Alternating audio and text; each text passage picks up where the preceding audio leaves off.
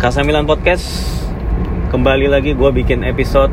Ini mungkin uh, terakhir kali ya. Besok besoknya gue mungkin agak agak agak uh, apa namanya jarang-jarang lagi bikin karena gue sedang berkonsentrasi kepada satu hal gitu yang mana gue pengen tenggelam aja di situ gitu ya. Gue pengen tenggelam di situ. Jadi uh, gue harus mengondisikan pikiran gue juga mencurahkan juga pikiran gue ke sana gitu supaya maksimal hasilnya. Pokoknya adalah sesuatu yang mau gue kerjain dan kalaupun misalnya gue pengen podcast lagi gue rasanya pengen uh, lebih tertarik untuk nerusin football finanza dulu. Jadi kalau teman-teman tahu ada podcast namanya football finanza itu juga sesuatu yang gue kerjakan gitu ya.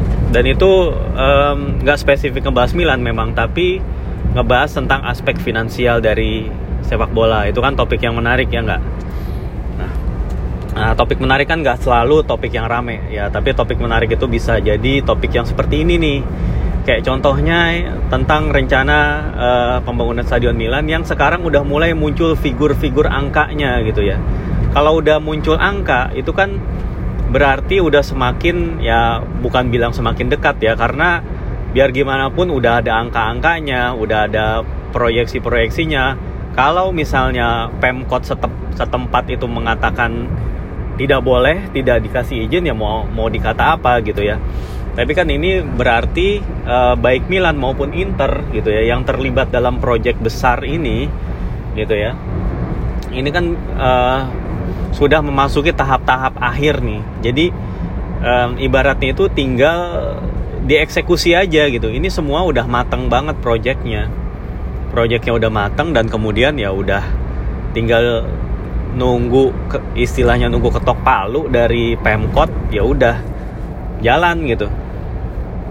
By the way sorry ya kalau rada berisik dan ini juga gue nggak akan bikin pakai background karena gue bikinnya juga sambil uh, di jalan gue lah sambil pulang kerja. Jadi ya gue sempetin aja karena ntar begitu sampai rumah gue pengen ada kerjaan yang dilanjutin dan juga mau istirahat gitu tentunya lebih berguna sekarang. Anyway kemarin uh, gue juga baca uh, rilisan dari La Gazzetta dello Sport gitu ya tentang angka-angka yang tadi gue maksud yaitu angka-angka yang sehubungan dengan stadion gitu. Yang pertama itu ada angka 1,28 miliar euro. 1,28 miliar euro itu adalah nilai construction cost atau biaya pembangunan stadion. Stadion uh, Nuovo Stadio Milano ya stadion baru Milan gitu kan. Yang rencananya nih ternyata ya itu dibangun di atas lahannya stadion San Siro yang ada sekarang. Kalau yang gue baca-baca gitu ya.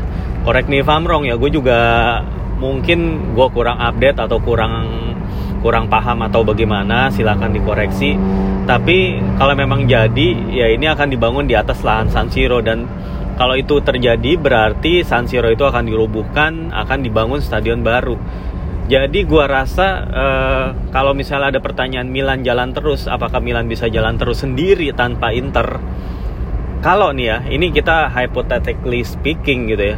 Kalau dibangunnya di atas san, lahan San Siro, gua rasa itu tidak mungkin tanpa Inter ya. Terus Inter mau main di mana gitu? Misalnya Milan go ahead sendiri, uh, Inter nggak ikut ah, gue nggak jadi ikut karena gue ada masalah finansial misalnya gitu kan. Uh, ya udah gue tetap di San Siro aja ya. Gimana lo tetap di San Siro kalau pembangunan stadion baru Milan itu dia dibangun di atas San Siro gitu? Jadi itu rasanya tidak mungkin ya kalau tidak melibatkan Inter gitu. Jadi um, gue rasa sih ya misalnya mau ada yang bilang wah sayang dong potensinya nggak kegali semua. Ya sebetulnya itu bisa-bisa aja digali. Potensi yang mana nih yang nggak kegali? Apakah poten potensi apa stadium naming right? Ya bisa aja maksudnya poten lu mau misalnya stadium naming right-nya mau dipakai nama sponsor tertentu. Misalnya mau pakai nama apa ya produk tertentu lah mau misalnya contohnya nih ya Ferrari. Eh jangan Ferrari lah kayaknya uh, itu terafiliasi sama klub lain banget. Taruhlah uh, apa ya yang Itali banget namanya Kinder Bueno gitu. Atau Kinder Joy. Itu kan itu kan coklat Kinder Joy yang selalu bikin resah orang tua kalau lagi di Alfamart gitu kan ya misalnya namanya Kinder Joy Stadium ini sebagai contoh aja ya. Ya stadium apa penamaannya itu dijual ke Kinder Joy gitu. Ya ya bisa aja dibagi dua. Emang emang nggak bisa naming right-nya dibagi dua gitu. Kan bisa aja. Dengan perjanjian kan kan bisa lu bikin perjanjian gitu ya dengan satu pihak. Yang yang melibatkan tiga pihak gitu. Satu pihak itu pemberi apa namanya yang pemilik nama satu satu lagi itu yang menjadi uh, yang stadionnya itu dipakai namanya gitu. Ya kan bisa-bisa aja diatur kayak gitu.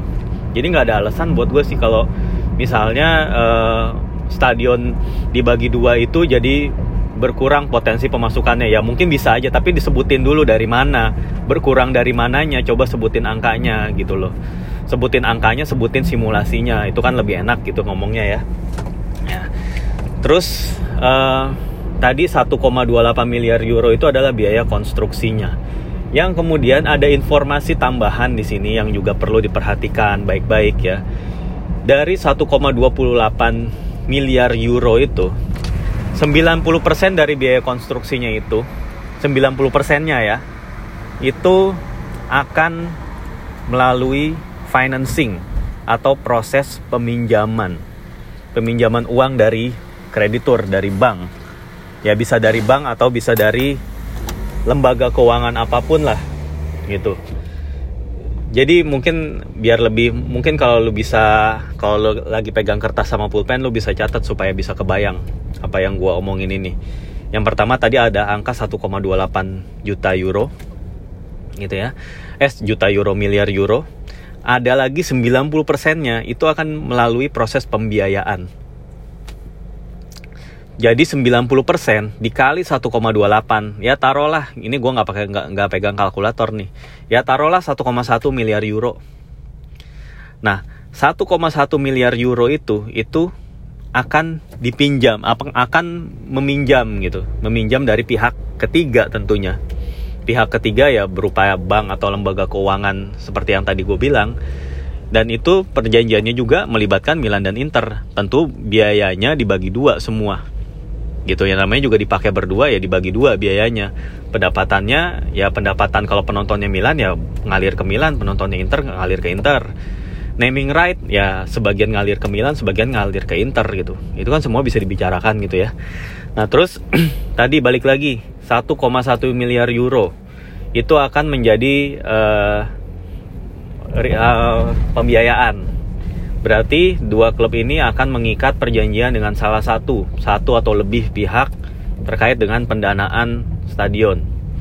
Pendanaan konstruksi stadion. Yang mana dari 1,1 miliar euro ini itu durasinya adalah 30 tahun. 30 tahun men, 30 tahun. Ya.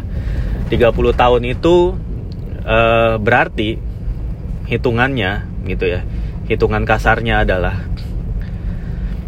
hitung aja tinggal 1,1 dibagi 30 gitu. Berarti kan kurang lebih 30-an lebih ya 30 35 ya 35 hampir 40 juta euro setahun. Itu pokok pinjamannya itu harus dibayar. Ya. Yang namanya minjam itu lu meminjam sama pihak lain pihak ketiga itu kan selain lu harus ngebayar pokok pinjamannya lo juga harus bayar bunga pinjamannya kan? Jadi ketika pokok pinjamannya itu kira-kira hampir antara 35 sampai 40 juta euro per tahun itu belum termasuk bunga. Bunganya itu berapa persen per tahun? 7 persen kah? 8 persen kah? 9 10 entah atau berapa gitu. Nah gue nggak tahu nih. Ya kan bisa dihitung bunga yang wajar untuk peminjaman kayak gini berapa? Apakah bunganya juga flat ataupun floating Nah itu kan juga tergantung perjanjiannya, tergantung dari uh, suku bunga pada pada saat akhir tahun dari tahun berjalan atau bunganya itu ya flat segitu. Jadi 30 tahun bunganya segitu kayak di hedging aja gitu. Apakah bisa seperti itu?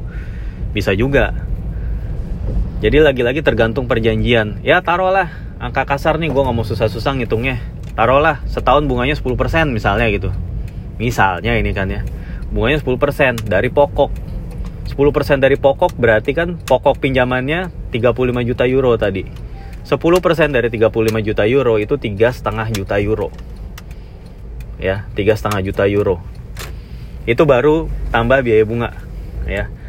Pajaknya nih Kalau Indonesia itu menganut ya pakai sistem withholding tax istilahnya. Itu bayar apa namanya ya setiap Milan bayar pajak eh bayar bunga kepada si kreditor ke peminjam itu terutang pajak penghasilan.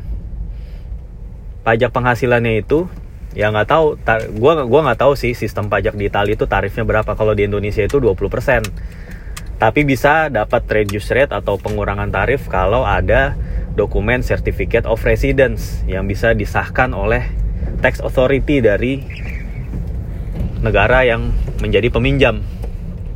Gitu. Atau negara sorry bukan negara peminjam negara pemberi pinjaman.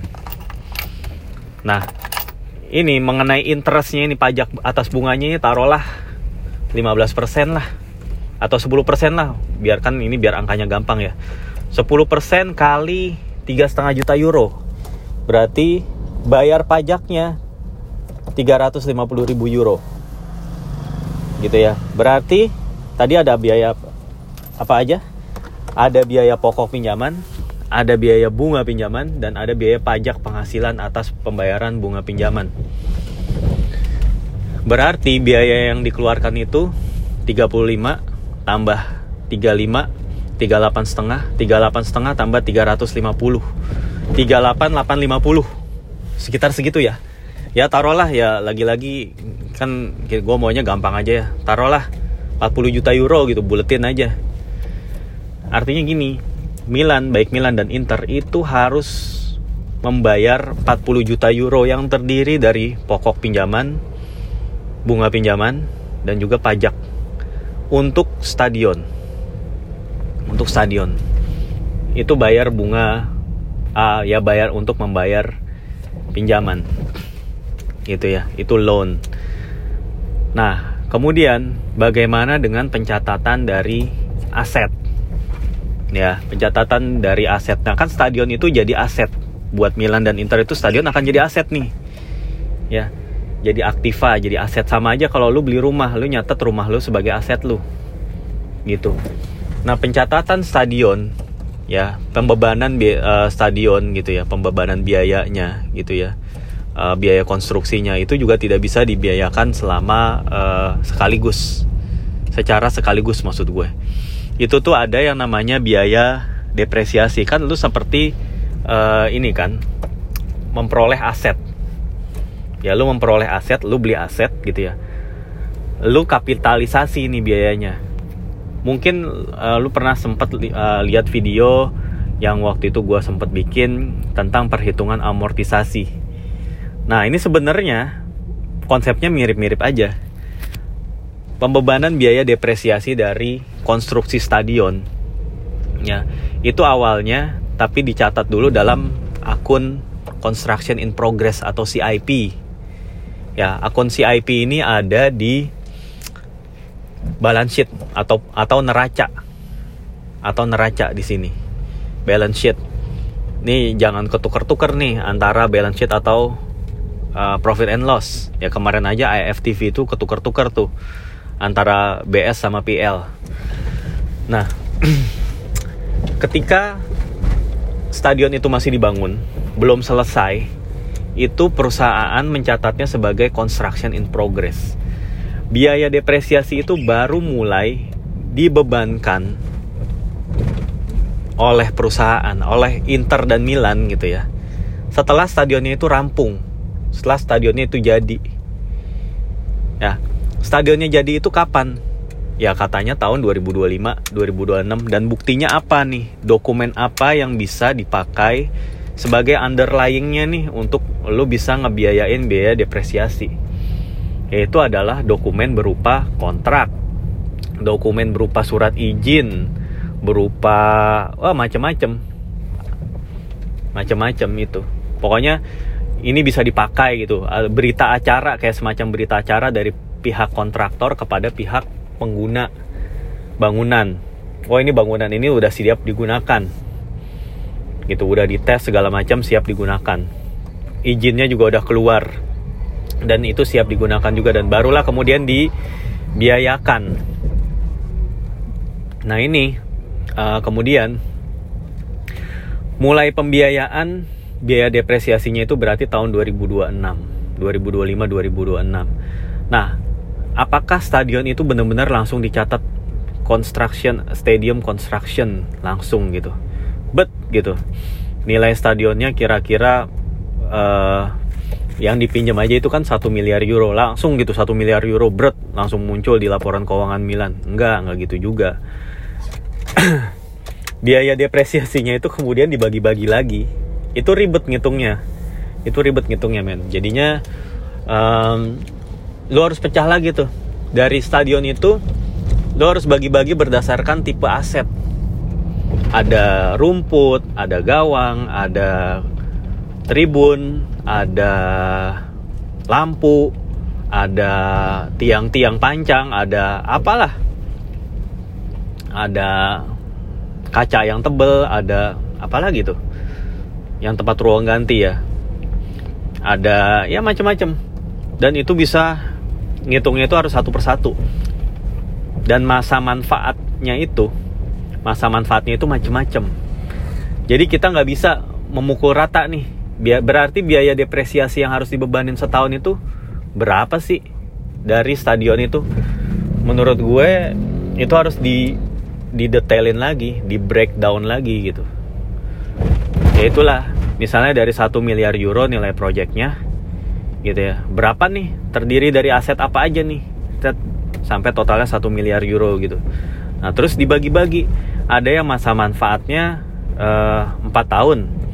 Misalnya bangku empat tahun sekali nih atau lima tahun lah kalau ini kan secara komersial ngitungnya ya masa manfaat bangku penonton secara komersial itu cuma lima tahun jadi artinya tiap lima tahun sekali bangku ini harus diganti nih jadinya ya bangku itu bangku-bangku penonton tribun penonton itu nilai menghitung depresiasinya harga beli dibagi 5 atau dibagi lima tahun tergantung masa manfaatnya gitu. Jadi ya seperti itu. Rumit sih gue kalau ditanya kira-kira berapa angkanya? gitu kan kadang-kadang kalau orang ya pokoknya kalau orang yang awam gitu terhadap accounting ya pokoknya saya mau perkiraannya aja perkiraan perkiraan gitu ya pokoknya mau saya mau tahu angka-angka. Ya ntar giliran uh, tiba-tiba misalnya jauh meleset gitu dari uh, kenyataan marah-marah gitu kan. Jadi ya mendingan ya pokoknya um, biayanya tuh besar aja. Gue nggak gue nggak tahu lah. Pokoknya yang jelas uh, biaya depresiasinya itu akan memakan puluhan juta euro gitu.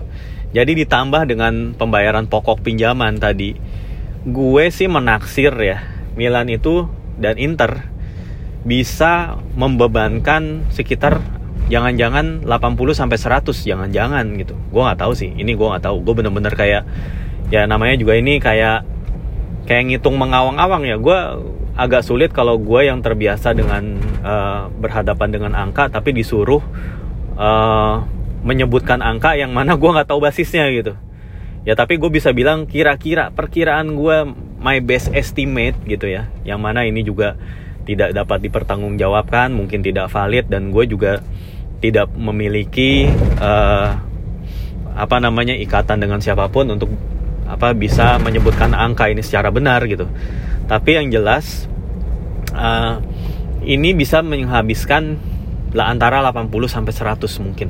Perkiraan gue ya, perkiraan kasar dan sekali lagi tidak bisa dijadikan sebagai patokan.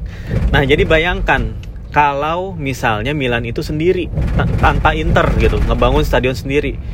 Tinggal lo kali dua aja biayanya. Misalnya 100 juta euro, tambah lagi jadi 200 juta euro. Kira-kira sanggup apa enggak? Gitu loh ini baru stadion loh belum gaji pemain belum apa biaya operasional lainnya gitu kira-kira sanggup nggak mengcover gitu. Memang memang ada satu lagi faktor yang belum gue sebutkan nih. Satu lagi faktor adalah revenue. Potensial revenue yang bisa didapatkan dengan stadion yang baru. Katanya Gazeta itu menuliskan sebuah angka yang menurut gue sangat-sangat ambisius gitu ya yaitu 120 juta euro bisa-bisa gitu bagi kedua tim. Ya jadi yang tadinya gitu ya uh, Milan itu bis, uh, ngedapetin sekitar 40-an atau 50 juta euro dari uh, get receipt dari stadion. Ini tuh bisa naik sampai 120 juta euro nih berarti kan lebih dari 100% kenaikannya ya. Ya artinya uh, revenue-nya Milan kalau misalnya dari match day aja bisa mencapai sekitar 120 juta terus dari um, hak siar itu sekitar 100 jutaan lah taruh terus ditambah lagi dari komersial revenue-nya itu juga 100 berarti bisa jadi diproyeksikan Milan itu akan meraih revenue sekitar 300-an juta lebih 350 mungkin. 350 sampai 400 Sementara biaya tadi, ya biaya stadion terkait stadion tadi, itu udah hampir 100 sendiri, udah men, udah uh, sekira-kira 25% dari re, total revenue. Dan biaya gajinya Milan ini kan akan meningkat terus ya. Ya pemain bisa nam, apa pengen minta tambah kenaikan kontrak, kenaikan gaji.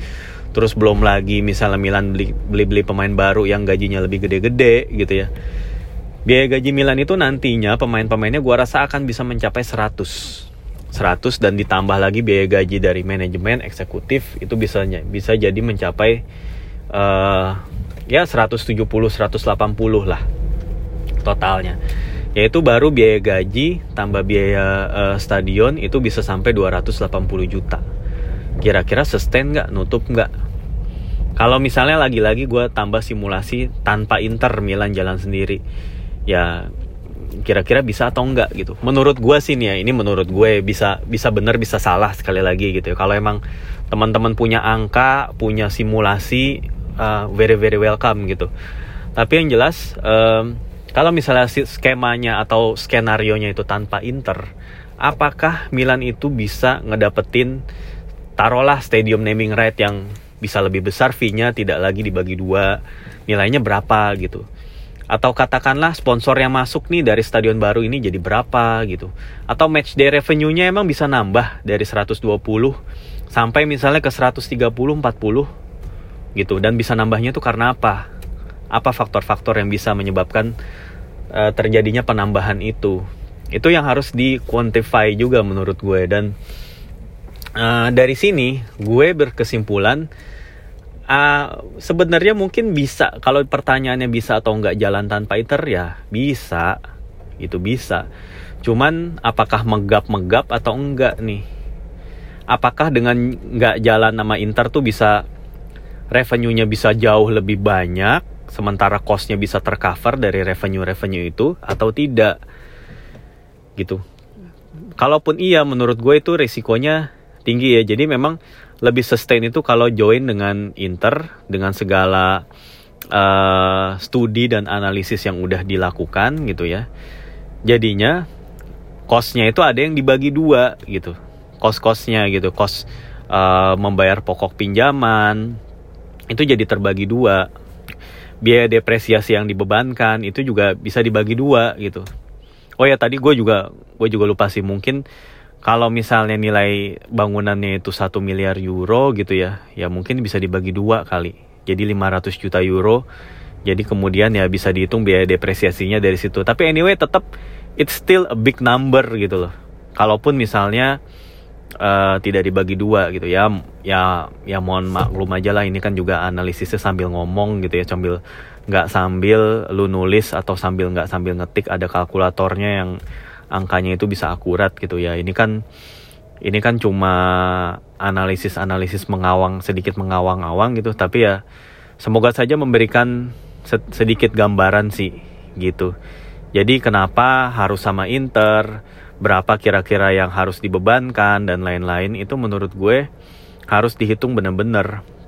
Dan gue rasa manajemen sekali bereliat itu udah memperhitungkan segalanya sih. Nggak mungkin enggak lah. Orang beli pemain aja uh, beda 1-2 juta aja bisa dia nggak mau gitu ya. Apalagi uh, analisis seberat atau sebesar nilai uang stadion yang akan dikeluarkan. Ini investment yang sangat-sangat besar. Gua rasa sih ini jumlah yang terbesar yang bisa dila, dikeluarkan oleh sebuah klub dalam ngebangun ngebangun sebuah stadion gitu. Ya dengan keyakinan prestasi bisa balik lagi. Ya seperti itulah. Kurang lebih analisis gue gitu ya tentang uh, The Populous gitu ya tentang stadion dan uh, terima kasih udah dengerin Kasamilan Podcast dan semoga uh, berkenan dan mohon maaf kalau ada kata-kata yang kurang berkenan juga. Ya mungkin uh, gue nggak tahu kapan akan balik lagi ngisi podcast ini gue sedang tidak berminat banget untuk meng, uh, menganalisis match review karena tadi hal-hal yang tadi yang gue sebutin ya jadinya mungkin dengerin football finanza dulu itu pun juga kalau berminat kalau enggak ya ya it's up to you lah gitu Yaudah deh, sampai ketemu lagi dalam lain kesempatan ya. Semoga sehat selalu. Ciao.